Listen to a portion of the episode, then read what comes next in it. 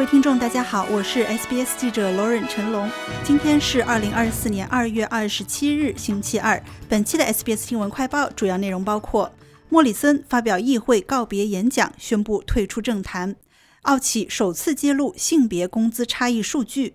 高温干燥加剧维州山火威胁；拜登期望本周内实现哈以停火。今天，澳大利亚前总理斯科特·莫里森向议会发表了他的告别演说，宣布从此告别政坛。早在今年一月，莫里森就宣布他将在二月份结束长达十六年的政治生涯，转投企业界。在众议院的这场告别演讲中，他对自己留下的政治遗产表示自豪，特别是他担任总理期间应对疫情的表现。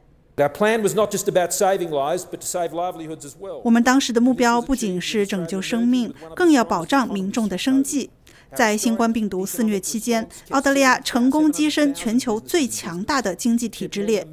我们采取的历史性经济应对措施，帮助七十万家企业维持运营，让超过一百万澳大利亚人保住了饭碗。尽管面临种种不可预测的支出，澳大利亚仍然是全球仅有的九个保持三 A 信用评级的国家之一。我们的应对措施及时、有针对性，并且在条件允许的情况下，我们负责任地逐步取消了疫情限制措施。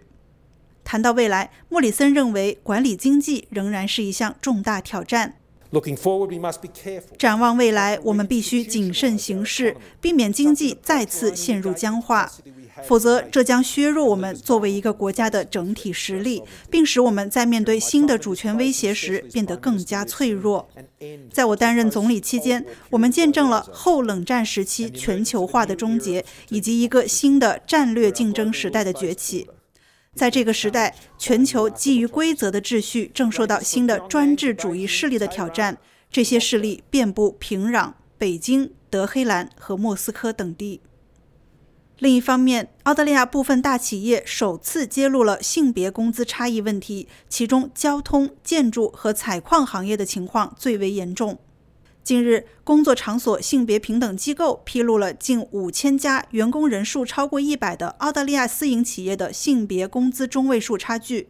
包括澳航、捷星和维珍在内的澳大利亚航空企业，男女员工之间的工资中位数差距分别高达百分之三十七、百分之四十三点七和百分之四十一点七。这份报告在政界获得了跨党派的广泛好评。反对党副领袖苏珊·莱伊认为，这些数据有助于看清哪些公司在性别平等方面做得好，哪些公司做得不好。而女性事务部长凯蒂·加拉格尔也表示，数据的公开会鼓励企业积极改进。Businesses themselves are conscious of their results, can look at ways, uh, if they need to. 企业了解到自身情况后，就可以开始着手寻求缩小性别工资差距的途径了。这关乎透明度和问责制，也关乎我国依然显著的性别工资差距问题。另一边，在今天较为和缓的气候条件下，维多利亚州消防员正忙着为即将到来的极端山火状况做准备。这一状况预计将于二月二十八日星期三出现。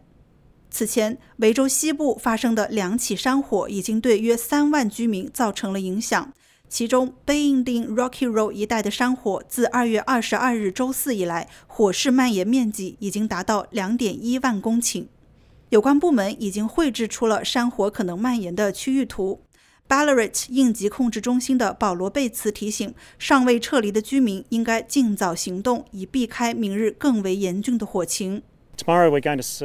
明天我们将面临高温、强北风至西北风以及低湿度等不利的条件。我们希望五百名消防员所做的控制工作能有效遏制火势蔓延。但一旦山火失控，就可能出现火势的迅速扩大和飞火现象，因此大家必须密切关注有关信息。国际方面，美国总统拜登表示，他期待以色列与哈马斯在加沙的停火协议能在本周末之前达成。有消息指出，哈以双方已经在卡塔尔重启了对话，并计划在开罗展开后续磋商，以争取释放数十名在加沙被扣押的人质。以及被以色列囚禁的巴勒斯坦人，此前，以色列总理内塔尼亚胡周日曾表示，若双方能够达成共识，广受谴责的在拉法市发动进攻的计划可能会稍作延后。拜登于当地时间周一二月二十七日在纽约进行政治访问期间，向媒体透露，他期望在三月四日之前实现停火。Well, I hope